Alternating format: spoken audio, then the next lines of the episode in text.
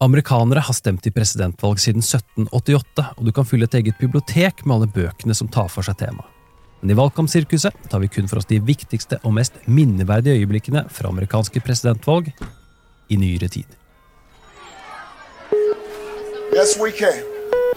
I don't think I'm that bad. Um, Uh, you're likable enough. I want you to listen to me. I'm going to say this again. I did not have sexual relations with that woman. I made my mistake. The. Bible held high. Please clap. He puts it down and then he lies. I can't.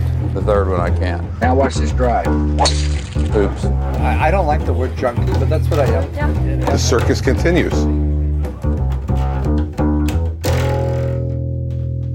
Hver episode forteller én historie, og i 2024 følger tematikken valgkalenderen fram mot presidentvalget.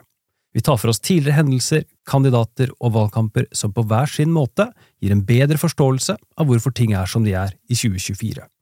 I episodene får du høre fra ulike eksperter, intervjuer med flere av kandidatene det hele handler om, og en haug historiske lydklipp.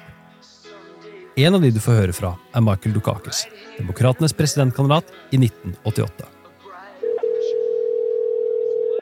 Hello. Da vi snakket sammen, hadde det gått nesten 30 år siden Dukakis tok på seg en litt for stor hjelm og kjørte rundt foran pressen i en tanks i Michigan. For ettertiden står det igjen som lærebokeksempelet på hvor galt det kan gå når en politiker prøver å være noe han ikke er.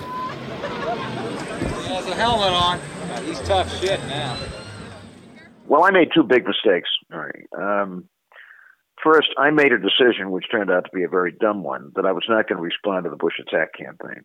Jeg heter Are Togoflaten, jeg er redaktør av amerikanskpolitikk.no, og jeg gleder meg til å fortelle historier som denne fra tidligere valg som på hver sin måte gir en bedre forståelse av valgkampen vi står overfor.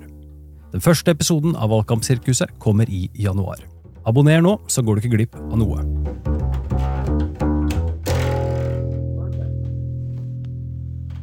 My wife and I have to see a dentist, but not for a while.